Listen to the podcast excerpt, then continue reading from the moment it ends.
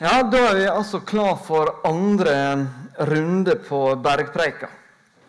For 14 dager siden så snakka jeg om saligprisningene. De tolv første versene fra Matteus 5. Eh, men Bergpreika den gir ikke så mye pusterom. Der kommer ganske mye spennende utover. Og eh, I dag så skal vi bruke tida på en del av det som står videre der i kapittel 5.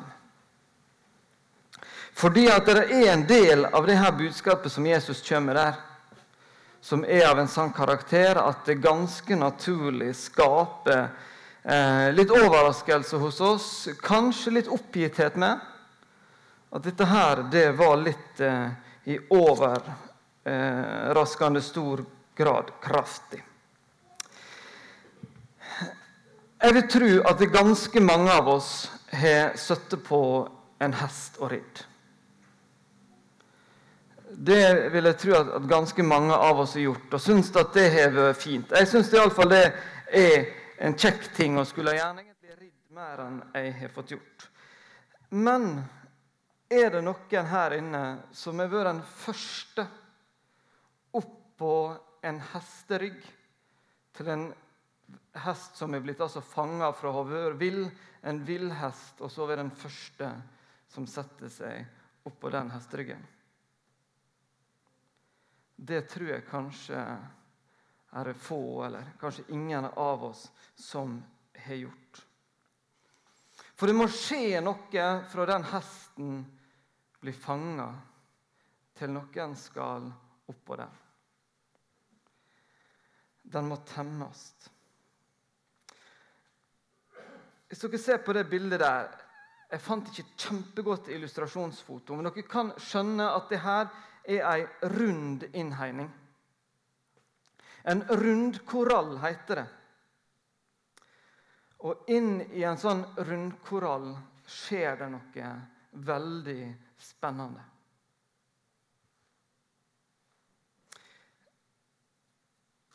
Hester, en villhest, er et fra naturen av et, et, et byttedyr. Det er vant til at store rovdyr er på utkikk etter det. Det veit at det kan bli et bytte. Og en villhest han vil tenke om et menneske som er inni en sånn rundkorall for første gangen, som et mulig rovdyr.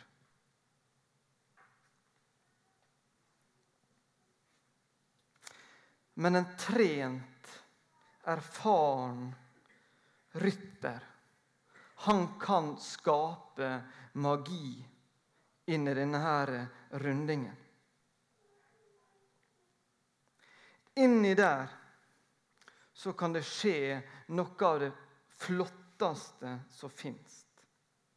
For mens hesten kanskje springer der rundt, litt løpsk, så veit rytteren at han må holde god avstand. Han må gi hesten plass. Han må gi hesten rom. Han veit det at legger hesten ørene bakover, så må han være ekstra observant. Det betyr at hesten eh, kan være hissig, kan være redd, er utrygg. Han må få tid, han må få rom.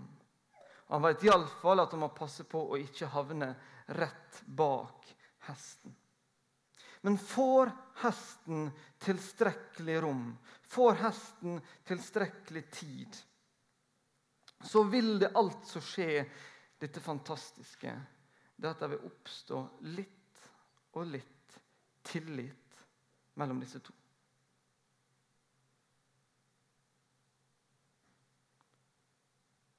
Tillit er noe helt fantastisk. noe. Og det er når denne tilliten oppstår, at dette forholdet mellom de to kan få begynne å utvikle seg. At rytteren kan seint og forsiktig nærme seg litt denne hesten. De kan begynne å kjenne på at Det begynner å skje noe mellom dem. Og på et tidspunkt så kan rytteren nærme seg så mye at han kan legge handa på hesten. Klappe litt på han.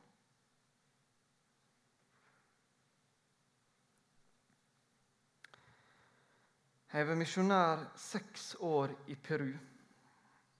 Det er et samfunn som fungerer på noen områder ganske forskjellig fra Norge. Vi er nok vant til at i utgangspunktet så er det tillit mellom oss. Vi møter et menneske, så har vi i utgangspunktet en, en ganske bra porsjon tillit. I deler av Sør-Amerika så fungerer dette annerledes. Du begynner med at det ikke er tillit. Tilliten må skapes nesten fra null. Så jeg, jeg vil påstå jeg veit litt om hvor ødeleggende det er om det mangler tillit.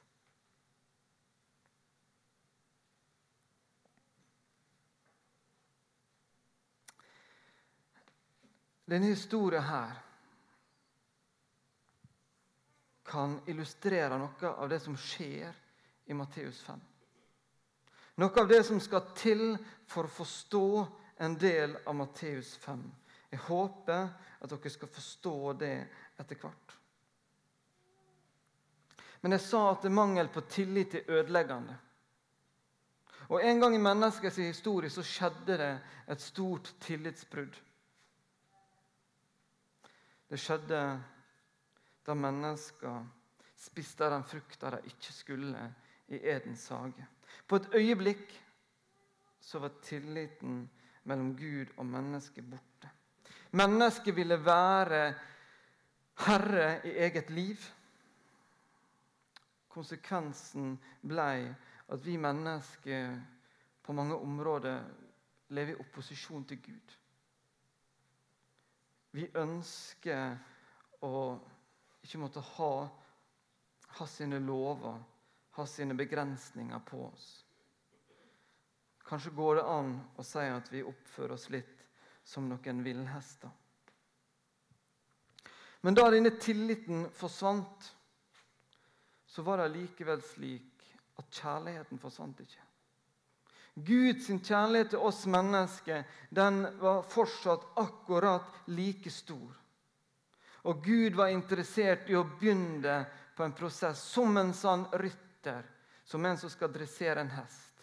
Være sammen med oss mennesker inn i en sånn rundkorall og se om han kan klare å vinne litt tillit til oss tilbake.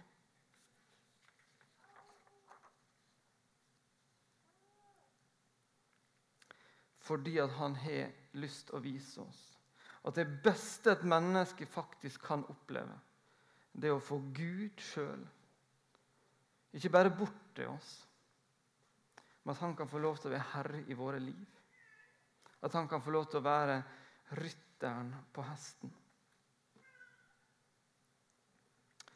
For når Jesus da kommer til jord, og han møter mange av jødene, så møter han bl.a. en gjeng fariseere som hadde tatt tak i Guds lov sånn som den var gitt. Men det hadde gjort det om til 613 regler. Til 248 påbud og 365 forbud. Og I tillegg hadde de krydra det her med 1521 presiseringer. Hvorfor hadde de gjort det? Jo, fordi at de hadde tatt tak i Guds lov, og så hadde de gjort den slik at de skulle klare det. De hadde prøvd å filt litt på den, omforma den litt, laga det til sånn at det det skulle bli innafor det som de klarte. Og en fariseer på Jesu tid trodde at han ved sine gjerninger var rettferdig overfor Gud. Og når de hadde valgt å vri om på Guds bud, slik som de hadde gjort, så kom altså Jesus inn og holdt en tale der han er så tydelig og klar som han er utover i Matteus 5. Da kommer Jesus og sier, 'Dere har hørt det jeg har sagt til forfedrene, du skal ikke slå i hjel.' Den som slår i hjel, skal være skyldig for domstolen. Men jeg sier dere, den som blir sint på sin bror, skal være skyldig for domstolen, og den som sier til sin bror, 'Din idiot', skal være skyldig for det høye råd, og den som sier 'du ugudelige narr', skal være skyldig til helvetes ild. Eller litt seinere Dere som har hørt det har sagt, du skal eh, ikke bryte ekteskapet, men jeg sier dere, den som ser på en kvinne for å begjære henne, har allerede begått ekteskapsbrudd med henne i sitt hjerte. Og enda litt seinere. Dere har hørt jeg har sagt øye for øye, tann for tann, men jeg sier dere, sett dere ikke, imot, sett dere ikke til motvære mot den som gjør ondt mot dere. Om noen slår deg på høyre kinn, så vend også det andre til. Jesus han tar tak i disse her reglene og påbudene som er kommet. Og så viser han dem. Slutt å prøve å bende og vri på det her for å gjøre det mulig for dere mennesker. Dette her, det er umulig. Men mennesket hadde prøvd å ville være herre sjøl. Det var noe med tillitsforholdet som ikke var der. Med mangel på tillitsforhold så hadde ikke disse fariseerne forstått hensikten med disse Guds bud.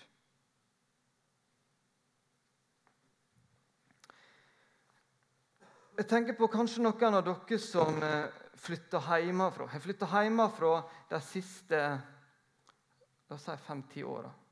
Og kanskje ikke har fått barn ennå. Eh, dere husker hvordan foreldrene deres oppførte seg eh, mot dere. Dere husker nok at de sa noen ting at eh, 'dette her får ikke du lov til'. 'Dette er ikke greit'. De la noen sånne her eh, regler og påbud som du ikke hadde mye sansen for den gangen. Du eh, forsto ikke hvorfor foreldrene dine skulle være så strenge. Men nå, noen år etterpå, når du er blitt litt større, og kanskje fått det litt på avstand, så tror jeg at du ser tilbake og tenker at mange av disse tingene som de faktisk eh, la begrensning på, det var fornuftig. Det var bra. Fordi at de så litt lengre enn hva du så når du var tolv år. De forsto noe som du ikke hadde forstått. De kunne se litt lenger og vite hva som var det beste for deg.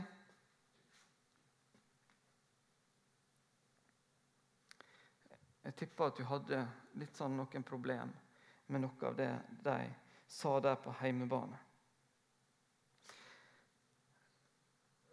Men blir dere foreldre så tror jeg at dere kommer til å kopiere en god, ting, god del ting av det som foreldrene deres gjorde.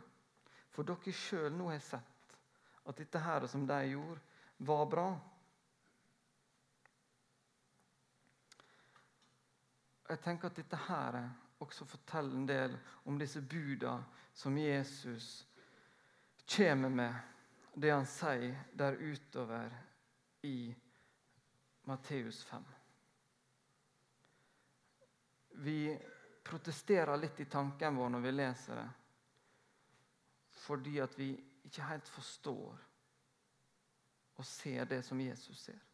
Det som Gud ser, det som han vet er det beste for oss. Vi er ikke helt der at vi La Gud få lov til å komme inn i stadig nye områder i livet vårt.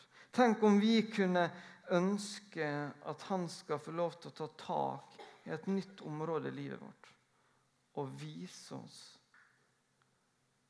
hvorfor han sier som han sier, hvorfor han gjør som han vil. Hvorfor står det i Guds ord det som gjør det? Kanskje kan vi oppleve at dette tillitsforholdet kan få bli styrka. Og at vi kan skjønne mer av Guds gode vilje. Så er det dessverre slik at eh, vi som foreldre gjør en del feil. Vi gjør en del dumme ting. Og jeg håper at om mine barn blir foreldre, så at de ikke kopierer alt. Det ville være uklokt. Men et av eh, begrepene vi bruker på Gud, er far. Fordi at Gud, han rommer alt som det ligger i en perfekt far, perfekt foreldre. Fordi at vi tror som mennesker, så tror vi hva som er det beste for barna våre. Men Gud veit hva som er det beste for hans barn.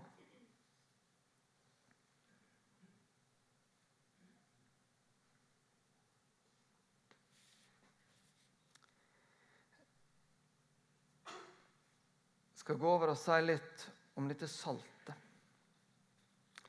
For Det første sånn konkrete vi møter rett etter salingprisningene, er nettopp det at dere er jordens salt, men hvis saltet mister sin kraft, hvordan skal det da bli gjort til salt igjen? Det duger ikke lenger til noe, men kastes ut og tråkkes ned av menneskene. Kraft er viktig i det bibelverset her. Og kraft er et uttrykk vi finner veldig mange plasser i Bibelen. Og i de fleste av de tilfellene så handler det om hvor vi skal finne vår kraft. Og at vi ikke skal finne vår kraft i oss sjøl, men at vi skal finne kraft i Han som er kraft. Og Da handler det igjen om dette tillitsforholdet. Har vi fått være lenge nok sammen med Gud? Har Han fått lov til å jobbe nok med oss? Sånn at denne tilliten er så stor at det kan få overføres mye kraft i dette forholdet. For er det tillit mellom Gud og oss? For vi forståelse av at Guds lov er god, så vil det også være kraft fra Han til å være salt i våre omgivelser. Vi lever i en tid der kanskje, eller ikke bare kanskje, kristendommen har tapt terreng i det offentlige rom. Og Jeg hører noen ganger at folk savner at kanskje jeg og andre pastorer er tilstrekkelig til stede i det offentlige rom og mener noe. Og har ei tydelig stemme der.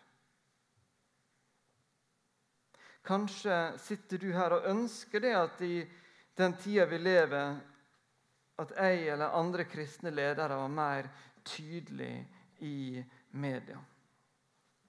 Da må jeg nok si at jeg kommer ikke til å være den som møter dette savnet.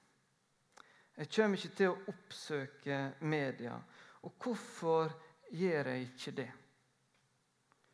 Det handler mye om akkurat det jeg snakker om i dag.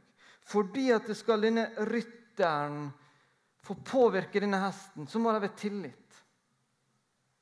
Skal Gud få lov til å jobbe med meg, og skal jeg få mer forståelse for Guds ord, så må det være tillit mellom oss. Og skal andre mennesker forstå det jeg sier, det jeg mener, det som jeg vil løfte fram fra Bibelen, så må det være tillit mellom oss. Jeg tror ikke at det fungerer så godt å gå høyt ut og snakke til mennesker som ikke har tillit til meg. Hvorfor skal de høre på meg når de ikke kjenner meg?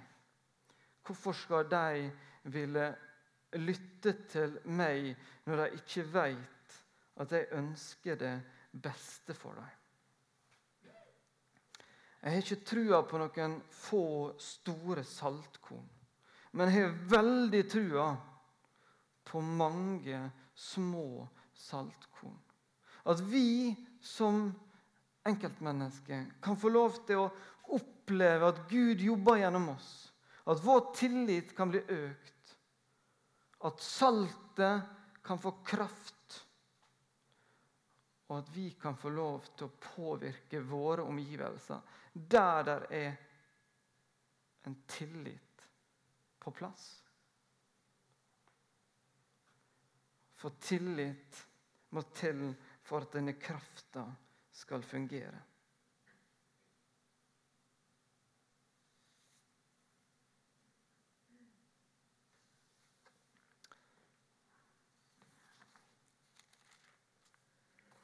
Fra vers 17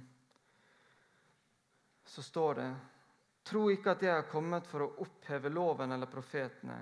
Jeg er ikke kommet for å oppheve, men for å oppfylle. Sannelig, jeg sier dere, før himmel og jord får gå, skal ikke det minste bokstav eller eneste prikk i loven forgå, før alt er skjedd.